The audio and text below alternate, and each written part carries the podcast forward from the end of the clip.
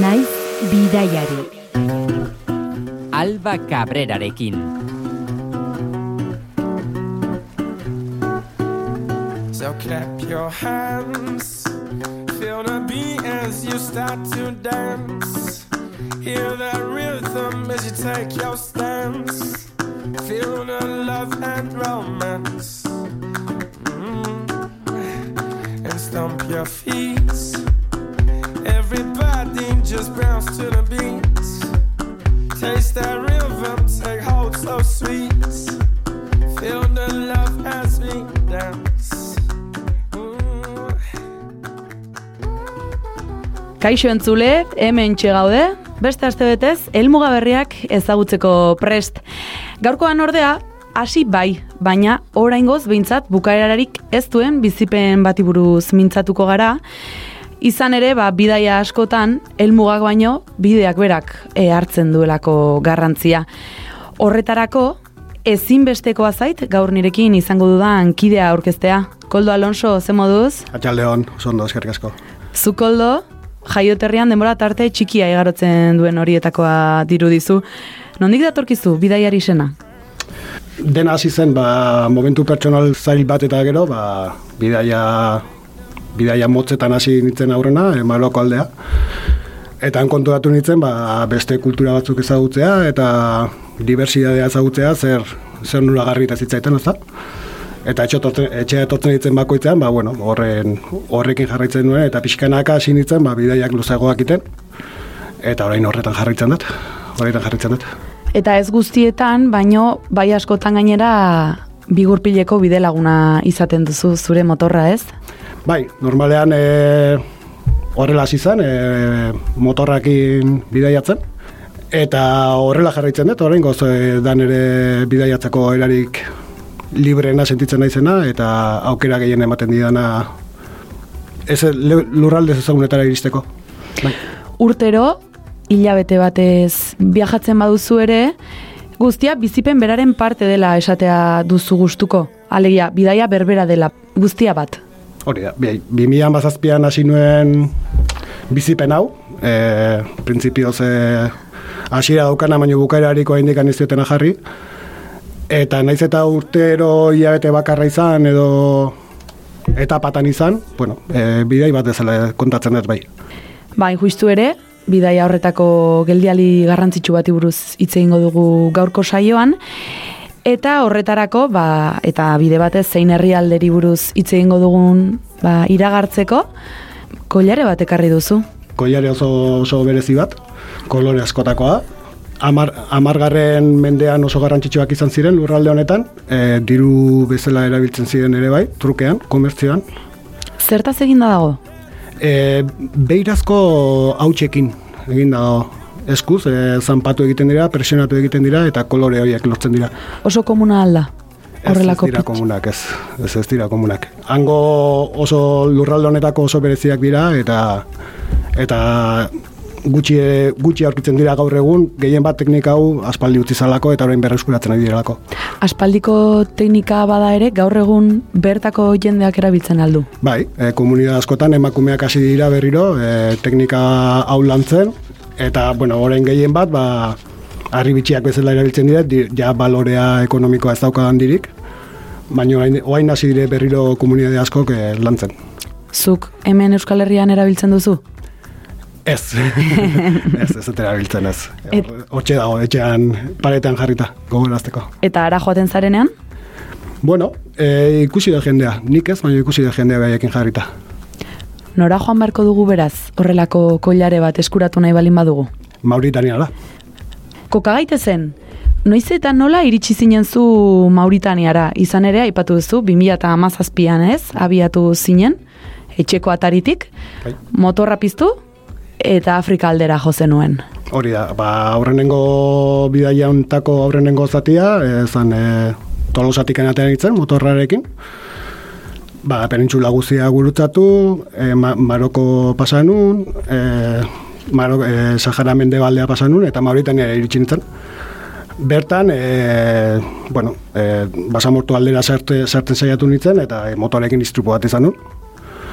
Orduan, e, bueno, instrupu larri bat izan zen, handikan deportatu behar izan ziaten, eta etxera itzuli nintzen, bi urte behar izan ditun berriro besoa konpontzeko, eta, bueno, berriro bidaiatzeko gogo hori sartzeko, baino istripu hori eta gero ja Mauritania gatu zitzaiten ja barruan, ja lotura berezi da sortu zen, bizipen oso gorra izan zen istripuarena, e, baso mortuan, eta banekien bueltatuko nitzela, banekien bueltatu nitzela, zatik mm, ez dakit, ja gatu zitzaiten barrenean korreta. Bi urteko geldialdia aipatu duzu, Bai. horren ostean, itzuli zinen, erdibidean utzi zenuenari jarraipena ematera. Bidaia hori berrartu zenuen momentu horretaz hitz egingo dugu Mauritaniara motorrik gabe egindako bidaiaz hain justu ere. Mauritania, entzun dezagun zer prestatu digun egoi belategi lankideak gaurko saiorako.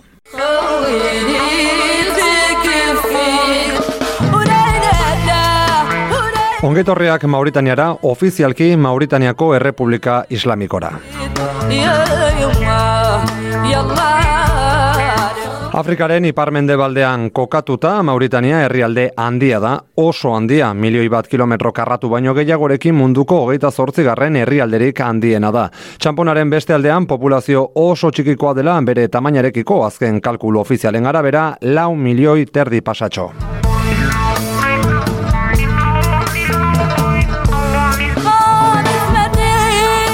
Mauritaniako demografia bere geografiarekin estuki lotuta dago zerbaitek ezaugarretzen badu herrialdea, basamortua eta klima lehorra dira.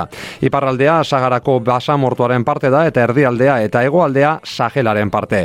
Ego-hegoaldean Senegalekiko mugan sabana ekosistemaz ere goza daiteke eta mendebaldeko kostalde luze eta beratsa zertxo bait freskoagoa da Atlantikoari esker. Senegalez gain Mali, Algeria eta mendebaldeko Sahara ditu mugakide eta azken honi dagokionez Saharako Errepublika Arabiar Demokratikoak kontrolatutako eremu librearekin eta baita Marokoko erresumak okupatutako lurraldeekin.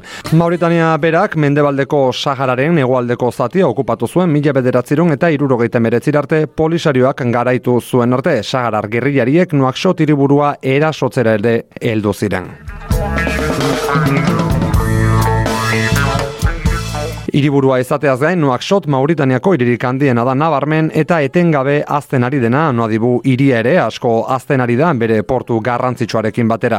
Izan ere, hamarkada gutxitan Mauritaniako populazioaren gehiengoa nomada izatetik urbanoa izatere garo da, alde batetik globalizazioaren ondorioz, baina batez ere aldaketa klimatikoak lehorte kronikoa eraginduelako barnealdean.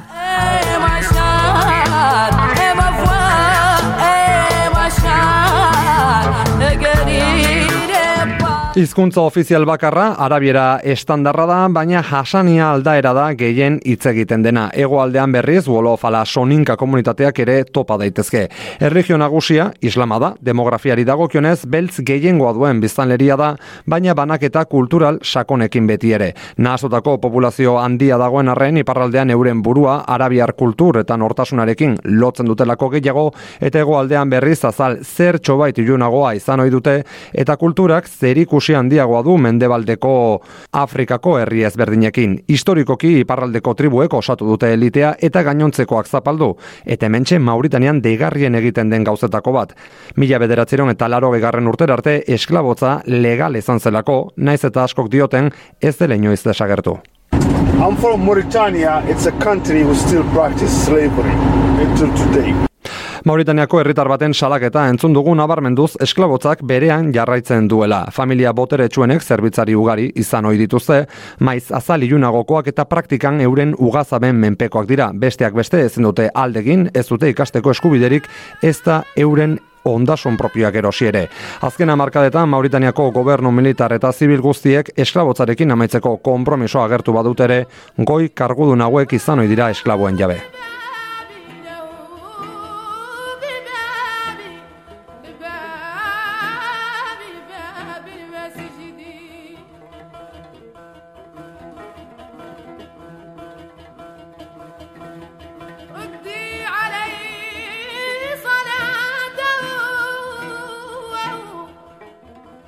Mauritania zerutik ikusiko bagenu koldo, bi gauza dira oso deigarriak bat, bere basamortu kolorea ez da, areak estaltzen duen herrialdea da Mauritania. Bai, hori da. Bueno, eh, Sahara baso mortua, Egiptotik anazten dana, itxasora iristean, esan dezagun, aurra ateratzen den ondar mingaina hori da Mauritania. Ondarra. Ondarra, ondarra eta ondarra. Ondarra, ondarra eta ondarra. Eta eguzkia. Eguzkia eta eta zer gutxi gehiago egia esan. Eta aizea, aizea, aize pila bat. Eta bestetik, Afrika erregela batekin banatutako kontinentea dela esaten omen da, Mauritania horren adibide argia da, ez? Oso marra zuzenak bereizten du gainerako herrialdetatik. Bai, hori da. E, bueno, e, bere garaien Europarrak e, Afrika banatu zuenen, Saharako baso mortua, ba, han, han ez dago ez mugarik, ez dago ezer, orduan marra zuzenekin e, moztu zuten. Eta hor dator, e, gaur eguneko arazo asko daudenak, e, ba, basamortuko biztanleak ordura arte ez zeukaten ez mugarik, ez marrarik, ez eta hain derrepente, ba, esan zioten zu argelinoa zea, zu mauritanarra zea, zu ezin dezu hemendikan pasa, eta gaur egungo gatazka asko Sahel inguruan eta territoriali- territorialidad edo delako gatazka asko daude. Elkartasun keinu bat egiteko borondateak eman zintuen zu berriro ere Mauritaniara. Kontatu idazu pixka bat, zer da infantzia denat?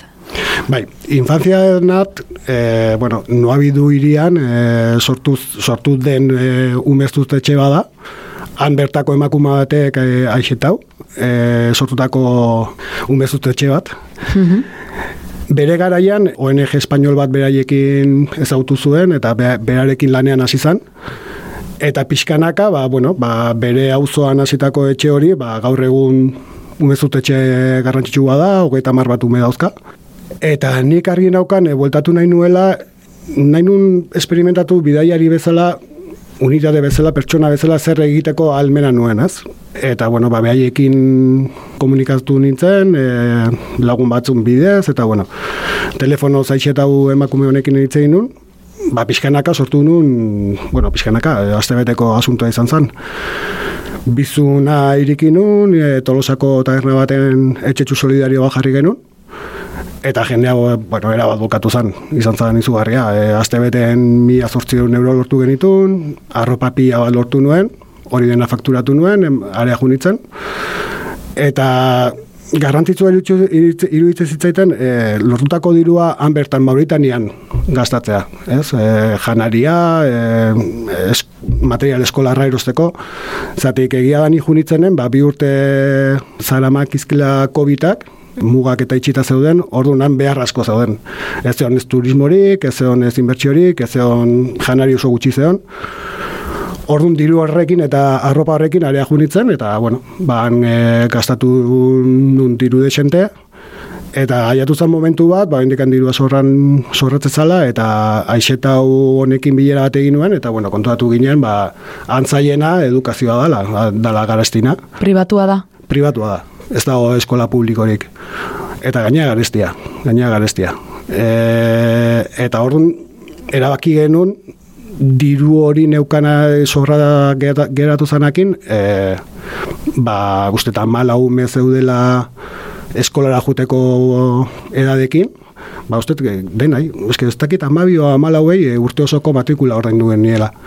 Eta hori zan, e, berentzako zan garrantzitsuna, zatik azkenean, ba horrela umeak eskolara juten dira, ez dira kaleran gehatzen. Gaina hori garrantzitsua da, zatik azkenen nua bidu bai hiri bada, eta bueno, ba lapurretak, eta bueno, beste, beste bizi modu bat hartzea errisa da. Eta beste alde batetik frantsesa ikasten dute. Eskolara juten dien umeak ez frantsesa ikasten dute. Eta Mauritanian frantsesa jakitea ate asko irikitzizkizu. Komerziorako edo, bueno, e, gobernun parte hartzeko edo administrazioan parte hartzeko frantsesa beharrezkoa da. Prozesu burokratikoentzat. Dena, denantzako. Denantzako frantsesa da idioma ofiziala, frantsesa da, orduan e, edo zein gauza egiteko frantsesa behar, beharra daukazu. Edo, edo zein lan postura hartzeko, ba, e, frantsesa jakin behar da. Hizkuntza ofizial bakarra da frantsesa? Ofizial, ofiziala, ez dakit, ba, ez dakit. Ez dakit, bakite frantsesa ofiziala dela, eta gero arabea hitz egiten dute. Kalean arabiara entzuten da. Bai, entzuten da. Eta gero, e, afro-mauritanarrak, e, oi, e, golofa esko entzuten, entzuten da ere bai, gutxi, baina entzuten da. baina gehien bat e, frantsesa. Mauritaniako bidaiaren lehen zatia, bertan igaro zenuen, esan duzu, tolosan bildutako dirua han inbertitzen eta hango komertziotan erosten igaro zenuela estantzia. Zertan zehatz mehatz? Ba, urrenengo astea izan zen e, gehien bat e, janaria erosi genuen, janari pila bat, hango lagun batek lagundu zian.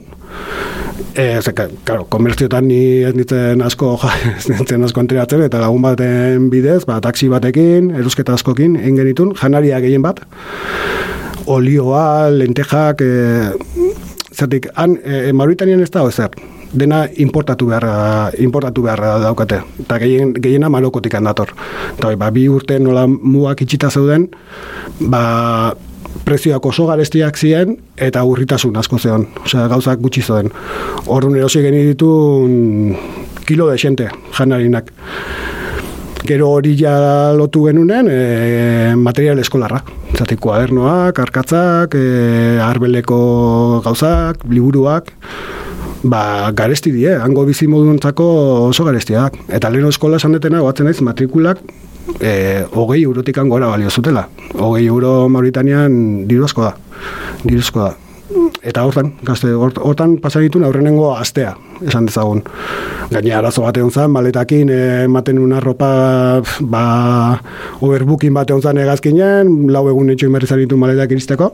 Eta bueno, ba, aurrenengo astea nua bidun pasanun, eh, handik, bueltaka. Eta erosketak iten, eta bueno, hango jendeakin. Interesgarri izan zen, interesgarri izan zen. Pixka bat berriro herrialderekin lehen harremana Bai. izaten, ez da? Bai, bai, bai, zati jendeak nintzen behar nun, farmaziara, ju- farmaziara jun behar nun. Ja, farmazia jun nintzen baten, ba, emakume batek kalean galitu ziten, ba, ni turista bezala, gaina turistorik ez zeon, ni bakarri non. Eta emakume batek zeine- zeinan bidez zerbait esan nahi zian, eta ez nien ulertzen. Farmazia seinal- seinalizatzen zian, eta behakin sartu ditan. Eta behar zuna zantzar, zaukan rezeta bat, medikuak emandako, baina zaukan dirurik rezeta hori erosteko. Orduan diru pixka hartu nun bote hortatikan, medikamentu erosi nion, eta behar eman nion. Hezkuntza pribatua, osasun sistema ere bai. Osasun sistema publikoa da, baina e, medizinak ordaindu barria. Eta garestia ateratzen da. Oso garestia da. Behaientzako oso garestia da. Orduan medikuta jutea behaiek ez dukute ez die zer soluzionatzen. Zertik askotan medikuta juteien, baina gero medikamentuk ezin dituzte erosi.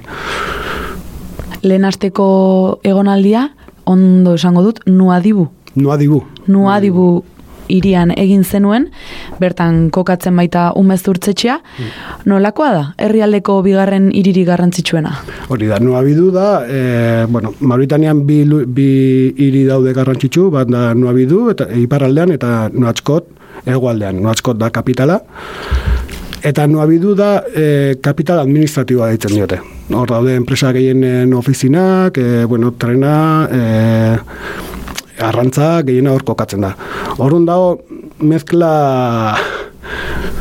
berezi bat, berezi bat. Elkartzen da jendea arabe asko dago, e, afro-mauritar gutxigo baino ere bai badaude, baina gero Europako jende asko bai ikusten duzu. Arrantzale enpresatan, e, burdineko enpresatan, eta dago mezkolantza bat pixka da arraroa. Esango nuke hiri gris bat dala. Zati, bai, ni aurrenengo aldiz iritsi nintzen motokin, goatzen naiz, izan zala txoke nahiko fortea. Zati, da hiri bat nahiko grisa, tristea esango nuke, oain ja hiru aldiz naiz, eta bain, bueno, iritzea pixka talatu dut. Baina, bai, hiri gorra eta grisa iruditzen zait. Eta zertan ikusten duzu grisa dela hiri hori zergatik? Ez ez jendea parrez ikusten kalen. Osea, Mauritanian oso zaila da norbait zabalki parrez ikustea. Gero intimidadean bai, eh, eta lortu eta hain lagunak dauzkat, eta eta guztua, baina hasierako txoke hori, arabe mundu itxi hau, bueno, ba, kolore, kolore gutxi dauka, egia esan, kolore gutxi dauka. Nuadibu komertzioaren hiriburua dela esaten dute, arrantzak indarra handia dauka hirian ez da, eta herrialdean. Bai, herrialde osoan. Mauritanian esan dezagun e, sistema ekonomikoan garrantzi handiena daukala, arrantza dela, eta gero mehatzaritza. Arrantza, bueno, kosta egia da basamortutik, basamortu mingain hori itsasoan bukatzen dela, eta hor Mauritania alde guztia, e, e, mendebalde guztia itsasoa da. Eta narraina, esat behaiek esate guen bezala, ondartzara salto egiten du. Osea, arrantza pila dago. Baina horrek bai ekarri du, ba, bueno, ba, mafiak ekarri ditu Oain dela gutxi arte, Espainiak e, me, Sahara mende aldea utzi zuenen, e, Mauritania zati bat hartu zuen, e, e, Sahara mende aldeko zati bat hartu zuen, eta ordainetan arrantza kuota garrantzitsu bat arrantzezion. Baina oain dela hamar urte arte. Orduan, bai, arrantza asko daukate, baina dena inbertituta. Osea, Europak hartzen du, Japonek hartzen du, Txinak hartzen du, Eta gain ustiatu. Bai, bai, bai, bai. Oain bertan txinak da indarra handina daukana. Ba, lurraldeko lurraldean inbertitzearen truke, be, arrain kuota handia ematen dute, beraien lurraldera.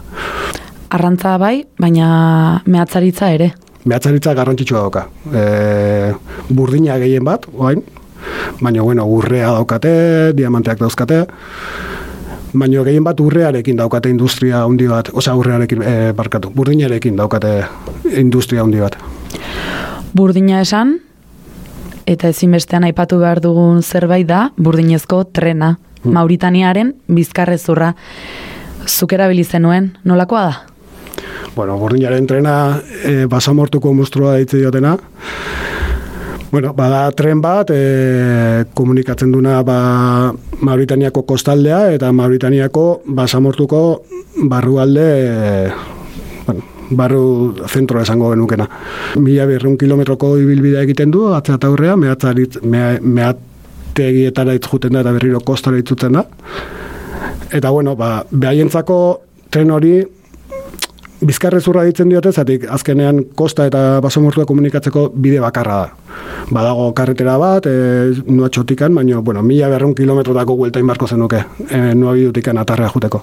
Horrun tren hori erabiltzen dute behaiek, ba, e, basamortuan dauden familiak eta janari eramateko, e, komertziorako, erosten dute arraina kostan eta barrualdea sartzen dute behin lehortuta eta ahumatuta barrua sartzen dute eta saldu dute dugu.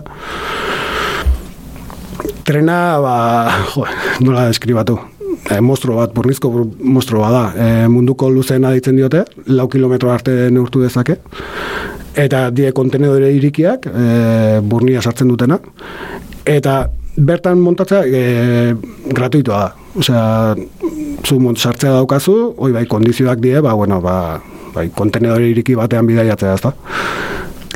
Desertuko ere izanik, nolakoak dira errepideak? Errepideak, e, ez, e, bueno, e, mengo errepideek bertzala die, baina, karo, ondarrean gainean daude da. Orrun ondarra muitu iten da, orrun karretera bat, naiz eta gaur asfaltatu da, hemendikan bi urtea seguro puskatuta daola. Zatik, lurra ez da, ez da egon korra, orrun muitu egiten da eta puskatu egiten da. Basamortuak irentxo egiten du. Irentxi egiten ditu, bai, kontinuamente daude makinak garbitzen. Bo, bi karretera bakarri daude Mauritanian, eh? Bat, komunikatzen du nuabidu eta eta nuatzkot, egotik iparraldea esan dezagun, eta gero nuatzkotetik atarrea, desertuko ere honetara, beste karretera badago. Eta jazta, ez dago asfalto gehiago. Beste guztia pistak dira, eta basamortua. Eta ondarra, eta ondarra, eta ondarra. Eta ondarra, eta ondarra. Erregaiari dagokionez, autoaren erregaiari dagokionez, kalidadezkoa alda. Ez, oso, oso txarra, oso txarra. E, motoarekin, gaina motoak e, gasolina erabiltzen dula, e, arazo asko aukiritun. Adibidez, nuabidu eta notzkoen artean 600 kilometro daudela ez dago gasolinerarik. Orduan, prestatuta eman barrezu, bidoiak eman barrituzu motorrean, eta gero barrukaldean atarrein bai daula gasolinera bat, baina, bueno, Osea, oso oso kalidade txarrekoa. Behaiek e, kontrolandoko gasolina erazten dute, alba dute.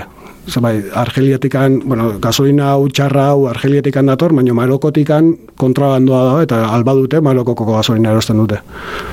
Eta erreserban eraman, Bai, bai. bidoiak Bai, gainean. Bai, bai, bai, gainean, bai, kotxe guztiek ematen dituzte, bai, bai, zetik, nahiz eta gasolinera bat aurkitu, ez ditu ezer ziutartzen, e, itxita egon daiteke, edo hutsa egon daiteke, denak dijoazte bidoiakin gainen, bai.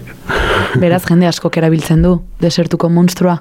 Bai, bai, bai. Adibidez, e, bueno, ba, Saharaui askokin elkartu nintzen, hartzen dutela tren hauek, hauek egiten dute Marokotikan salto egiten dute Mauritaniara, tren hau hartzen dute iparraldera iotzeko e, tindufeteko kanpamentuta iristeko.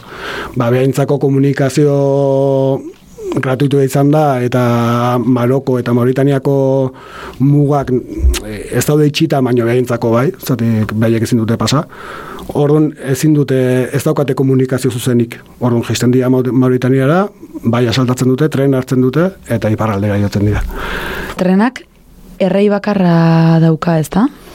Trena bai, e, monorail bada, bueno, die eh, ez dakizen bat tren ibiltzeien egunean, baina bat jun eta bestea etorri egiten du. Orduan, e, monorail izan da, ba, mm, basamortuko zenbait lekutan, rotonda hundiak bezala egiten dituzte bat bestearekin gurutzatzeko. Askotan, bo, ni bidaia egin nuenen, ba, gau erdian, ba, derrepente ge, gehatu itezan, ba, zantzabalgune batean, beste trena zatorrena, pasatzeko. Pasatzeko. Han ordu, han ordutegik ez dago. Ni aurrenengo aldiz junitzenen estazioa, da kaletu nun trenan gatik, eta bai, e, tren bat atxaldean dago. Atxaldean, baina zer dutan, ez, atxaldean.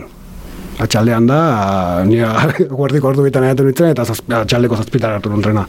Pazientzia, beraz. Bai, bai, bai, bai, bueno, Afrika guztin, hola izaten da.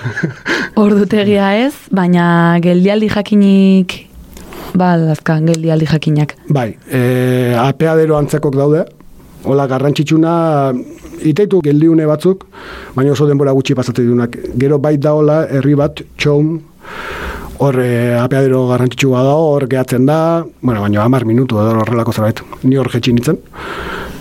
Eta ez, bestela ez dago geldirurerik, ez dago, ez dago ezer.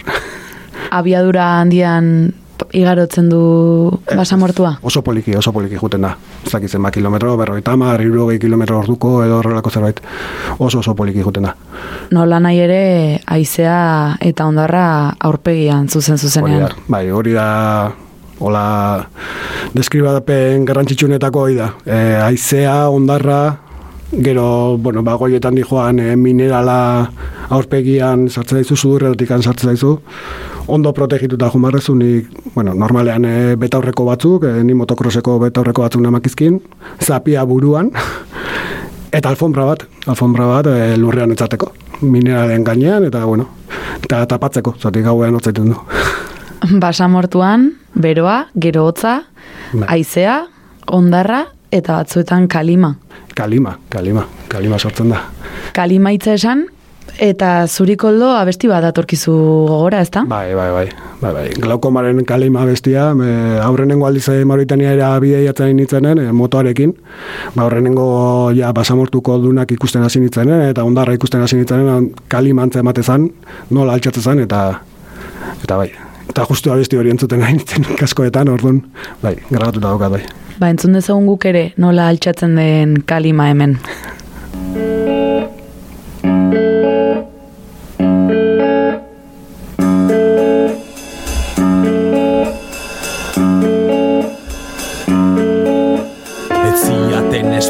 Esplikatu progresoaren kondaira. Zeruko afterren ostegunetan jaida Itxolarri nahiatu naiz basamortuko kaira. Kale bazterretan miseria historia jaten aida Eh, fuck you revivals. I mean Dutik ezin flexoa piztuta da ota lauta da bat gauerdin Beste behin folio txurin Baietznik beste behin. Bomboa bagenian baino kaja falta genin. Eio Guainin hau olin fitxa guztik jarri nizkin Ta naizten bidoa galduta daula aurretik Koldo, trenean lagunak egin zenituen, ezta? Bai, e, aurrenengo, bueno, e, banekien bidaia luzea izango zala, sortzi behatzi ordu izango ziela. Orduan, e, ba, goietako batean iotzean joanen ikusi nun gazteko harria bat, e, lau, lau gazte iotze ziela bagoi batea, eta behiekin nio nintzen. Esan nien, aber, iotzean eukan, eta baietz, behiekin montatzeko, eta oso jatorra gaina. Betaurrekoak ipini zenituen, aizari eta Bai. areari aurre egiteko, eta beraiek lagundu zizuten zapia buruan Bai, jartzen. Ikusi ziaten ikusi egiten nintzen zapiarekin. Eh, Kursilla etorri. berezia, pertsonala. baten ziaten, momentu baten intziaten. Bai, bai, oso jatorra. Eta gero tea hartu genuen, eta bueno, Claro, behaiek, eske, behaiek oso prestatu di joazte, janaria emateue, sukalde txiki bat eh, tea prestatzeko, eta bueno, ba, azkenen, ba, sortzi behatzi ordu behaiekin pasata, ba, ba, komunikazio oso zaila zan, zatik frantsesez bakarrik zekiten eta nahiko gaizki gaina, eta nik ez dakit frantsesa, baina behaiek, oi, oi pasatzaiten behin baino gehiago eta Mauritania jende askok igual frantsesa zitzeiten badaki, baina irakurtzen ez. Orduan, traduktorearekin eta ibiltzeko ere bai zailtasunak daude. Baina, bueno, zortzi bederatzi ordu behaiekin, eta oso ondo, oso gustora egon ginen, bai. Askorako ematen dute zortzi bederatzi orduk. Ba, bai, bai, imaginatu, azkenen liatu intziaten, e, ni nahi nun txounen jetxi ginenen, atarrean nahi nun jun e, gau berdinen loitean, hotelak eta daudelako, eta txounen gaueko orduitan nola iritsi ginen, eta liatu ziaten behaiek, ez, ez, ezkea jungo, hemen ningo deulo, ez preokupatu, hemen ningo deulo, eta bihar jungo ea. Eta, bueno, aiatu ginen txounea, ban, kale erdin bota zituzten behaien alfombrak eta ba, behaiekin egin lo. Urrengo honen behaiekin gozaldu, lagundu ziaten taxi bat hartzen eta eta ja atarbidea bialdu ziaten. Basamortuaren esperientzia bete-betean. Bete-betea, bai, gainean jo, e, sugeekin eta, bueno, ba, armi armak eta kriston ikara emateiate, eta han, ondarretan alfombra bota, eta han txegin genuen lo. Kriston esperientzia izan zen. De, ondo atea zen, eta kriston esperientzia izan zen. Gaizki aterako balitz, Bai. bada beste zerbait esango zenuen, ez da? Bai. Oso zikin amaitzen aldu batek, treneko bidaia horretan. Oso, osea, zikinkeri kontzeptua aldatu ite zaizu, osea, bai, ba, bueno, gaina, eske kontuatzea berdin zaizula, ja, osea, ezean man, engarbi mantentzen saiatzen. Ja puntu batetik aurrera. Bai, bai, gero ja hotelea, hotel bat bilatu nunean ja dutxa hon bat hartu, edo bi, deskantzatu, eta baina bai, egia da, ondarrakin, eta ba, gehien bat, oir, ba, goiak zikina datozte, materiala ni junitzenen mutxak zeuden, baina materiala handao, eta burni materiala da, orduan hau hori altxatzen denen, betzbeltza bukatzezu, bai, bai, bai. Gau ez ere trenean, basamortua zeharkatzeko aukera izan zenuen. Bai. Nolakoa da, gaua basamortuan? Zein nolako zerurekin egiten du topo batek? Joa, ba, bueno, izarrak, izarrak, da, bueno, hainbeste die mateula eroriteiela, eske ez diela sartzen, osea, pasada bada. Joteakon, e, gau ez e, ordu batzuk initu, baina bueltakon egin nun gau, bidei guztien nun gau ez, eta bueltakon izan zen e, ilarge betearekin. Eta hoi aldatu iten da, zatik, kiston argitasuna zen. Eta ikustezu, ba, basamortua gau ez. Basamortuko bizitza gau ez. Animaliak, e, kameluak, kanpamentuak ikusten dituzu. Bai, bai, bai. Oso, ilargi betarekin ebai oso politxe izan zen. Igual izar gutxi zeuden, baina oso politxe izan zen. Atarrera iritsi zinen, hori zen zure lehen helmuga ez? Bai. Zein zen zure hasierako plana? Nire plana zen atarrea iristea eta gero handikan banekin e, aurrenengo beste ge- geldiunea e, txingeti zala, hori zen nire helmuga. Baina txingetira iristeko banekin zeudela taxi konpartituk eta hori, eta bueno, hasi nintzen atarretikan bueltaka. E, ba, a ber, transporte bat lortzen neukan, baina ba, puntu bat areago jo nahi nun. Ja, hasi nintzen bila, kotxe baten bila, ba, alkilatzeko lo que sea, ba, ni nire nire pedora juteko, nire, nire bolara juteko, eta inorrekin ez juteko. Eta horren traduktorearekin jarri nun e, kotxe bat alkilatu nahi et, et, traduzitu nun, eta ni joan kaletikan e, mobiakin mundu guztiari erakusten. Eta, bueno, alde batetikan bestea, ez dakize inorre, inorrek ez alkilatzen, eta bat batean ikusi nun, ekizonko harria bat eserita, eta oterreno batzun aldamenean. Eta zuzen area junitzen, moi erakutsi nien, Eta oitako batek, ba, irakurtzezakin, ikustezan pixka gehiago zekila, eta esan bai ez, beak lagun bat zaukala, aurkeztu zian beste gizon bat, kotxe bat zaukala, e, todoterreno bat, eta alkilatuko ziela.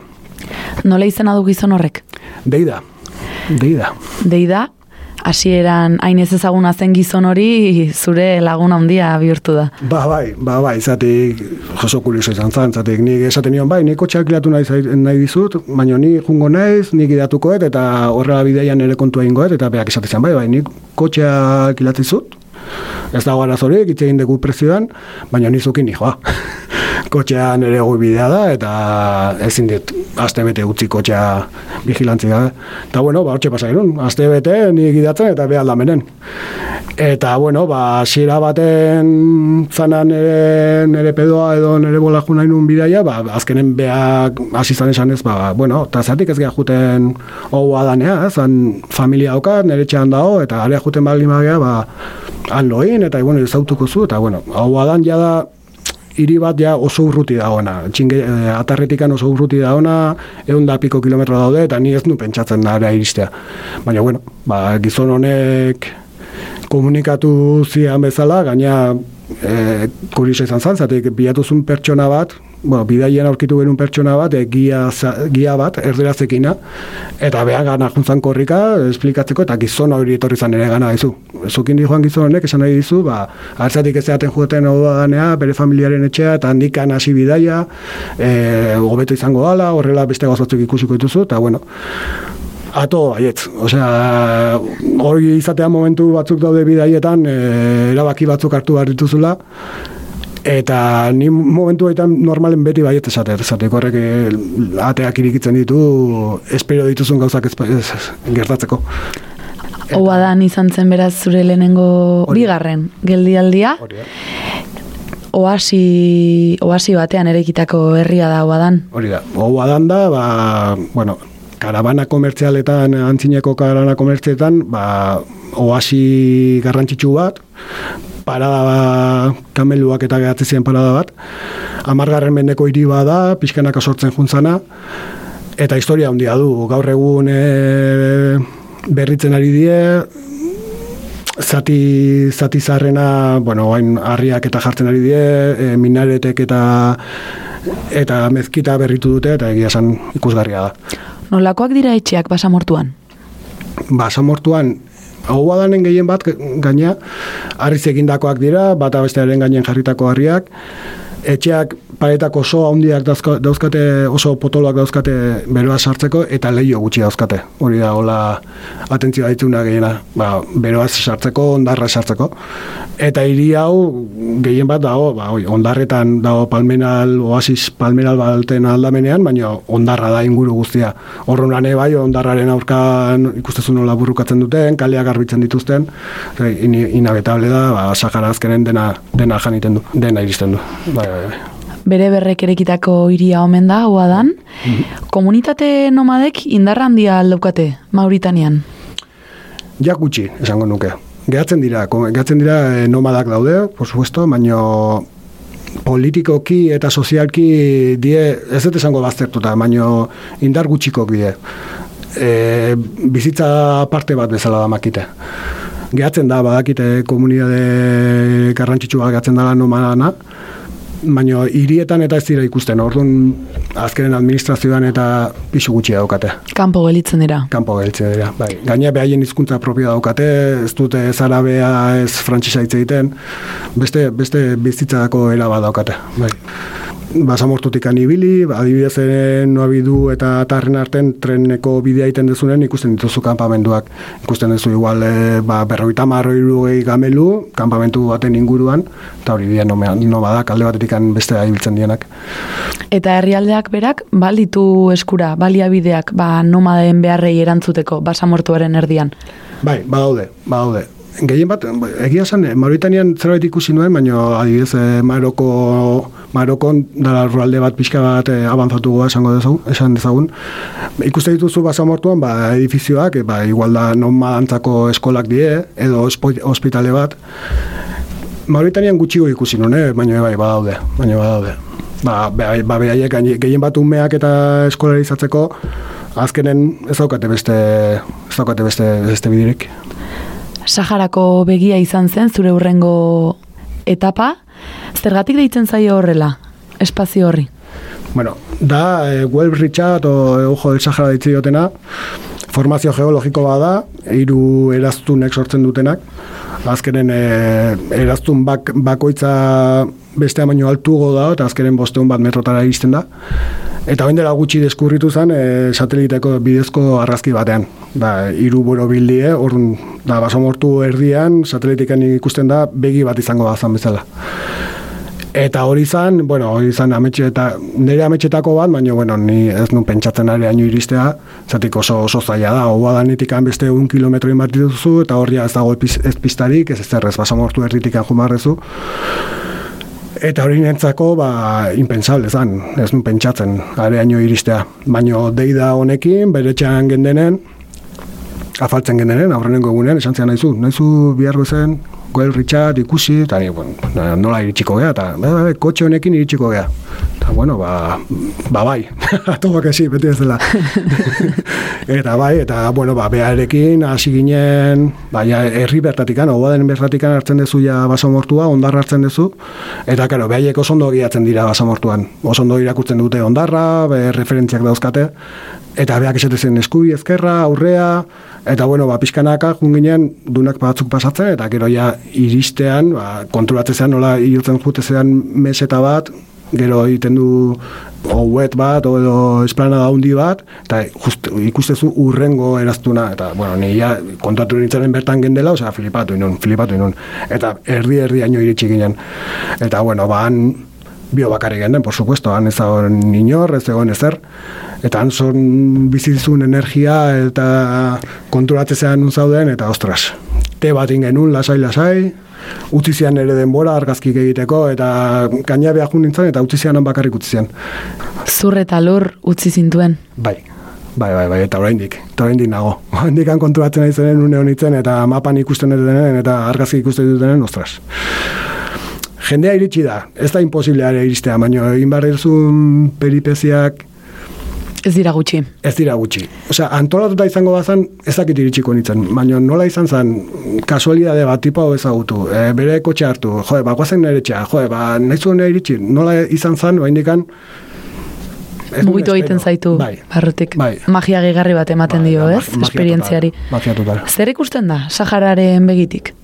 Inmensidad, inmensidad. E, laua da, justu inguru horretan ez daude dunak, orduan dena laua da. Eta erdi erdian zauderen, dago menditxo bat dago, area jotzezea, eta ikusten dituzu, bueno, inguruko, karo, e, eraztun hauek, e, haundinak berroita mar kilometroko e, zirkunferentzia dauka, osea, diametro dauka. Orduan, zuan goran zauderen ikusten duzu mendikate bat, zuri inguratzen jute zaizuna, boro bila dara. Ez da asko gehiago apreziatzen, baina konturatzea bai, nola boro biltzen juten dian eta nola inguratzen zaituzten. Eta gero, ba, ez dakit, ikusi eske ez da harriak. Ikusi egin behar da, ez? Bai, harriak. Gehiago da sentitzen den hori Bai, ikusten bai, dena baino, ez? Bai, bai, jende asko, irakurritan euskan kronika batzu, ba, jende asko area jun eta decepzionatu ditezala. Zeratik, ez dakiz espero zuten, edo area egia da jute zeanen, ba, bueno, ikusten duzu bai, mendikatea boro biltzen bezala juten dala, baina egia da, ez dezula ikusten satelititekean ikusten dana. Bai. Arearen eta aize bola beroen artean, txingetira iritsi zineten ondoren. Hori da, bai, urrengo etapa, ba, zan hori da, hori baitzala nire elmugatako bat, txingetia iristea.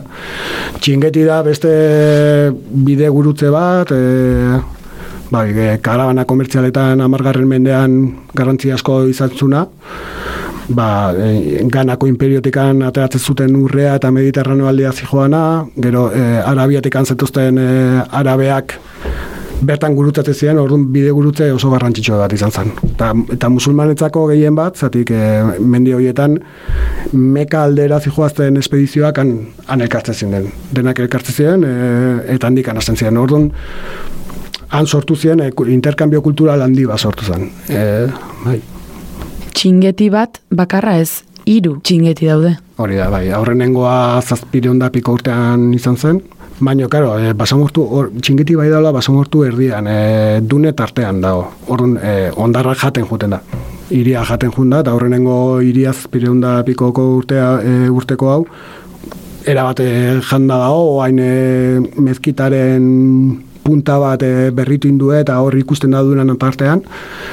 Gero dago bigarren txingeti bat, dala amargarren mendekoa, hor daude liburutegiak eta eta, bueno, baino herri hori bai ja herri txuntxitu da, eta orain dago hirugarren txingeti bat sortu dute. Ba, hogei kilometrotan daude hiru hiri.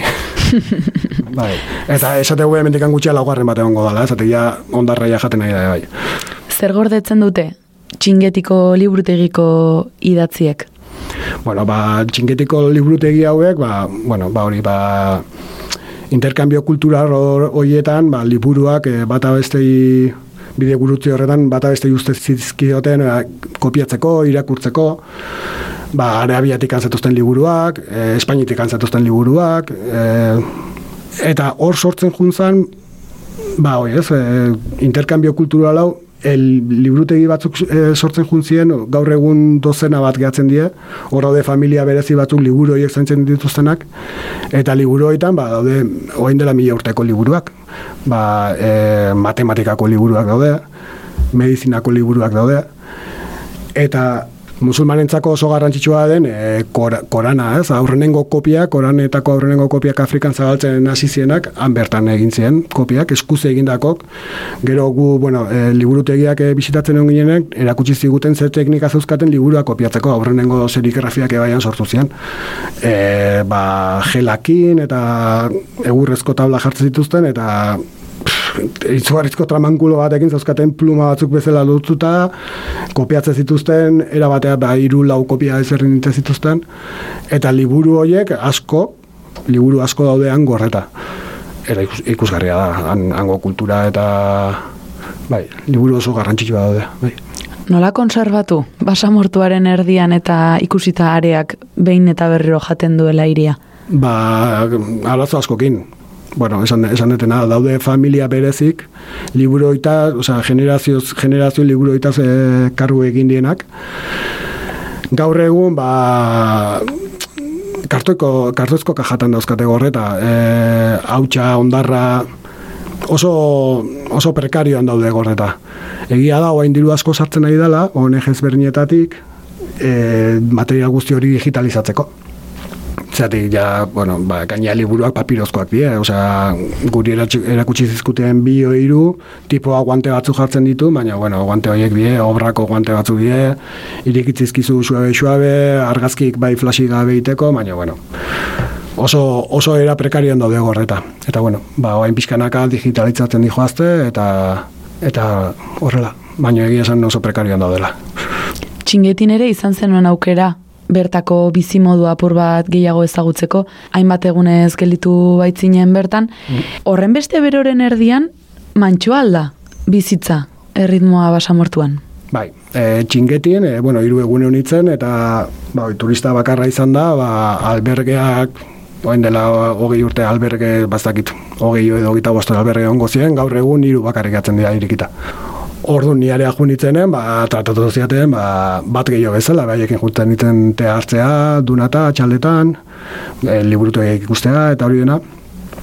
Eta, ba, bai, bizitza geldoa, zatik, e, bueno, eguardi aldea, ba, ia berrogeita marra duta iristen ginen. Orduan, goizean goiz e, esnatu, e, ba, anitezien lanak egin, bueno, eta gero eguardian denak etxean.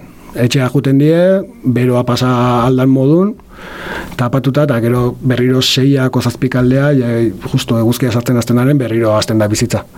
Baina, bueno, Mauritanian bizitza, ez da, ez dakit, ez dago ez kafeteririk, ez dago tabernarik, ez dago zentro kulturalik.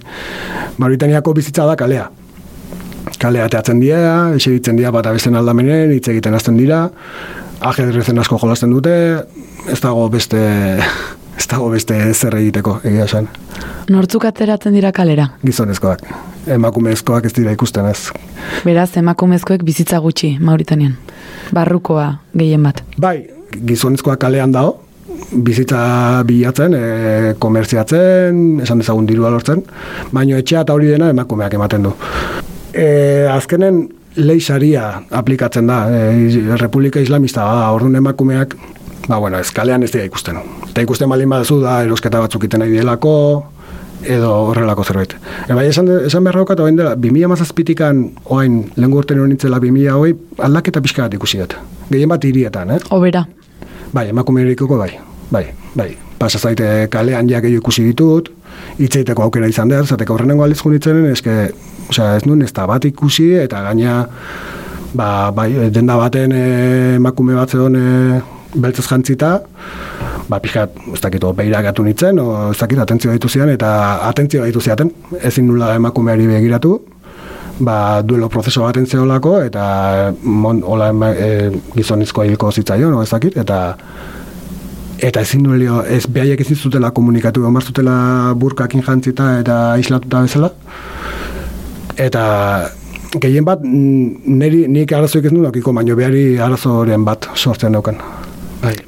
Eguzkia izkutatzen denean, afaltzeko garaian, etxeetako bate guztiak ireki eta jendea sartu eta sartu eta irten eta irten egoten da Bai, bai, oso kurioso izan zen, hoi, deidaren etxean nitzen bi gauetan, afaltzeko ordua iriste zanen, han eh, tarima bat zeukaten banbuzkoa, bueno, banbuzkoa, egurrezkoa egin da, eta han hasten dira aragia jate, ateratzen, osea, janari ateratzen, eta atea irikita da, eta han ez dakit, ez dakit zen bat, baina igual hogei pertsona elkartzen ginen.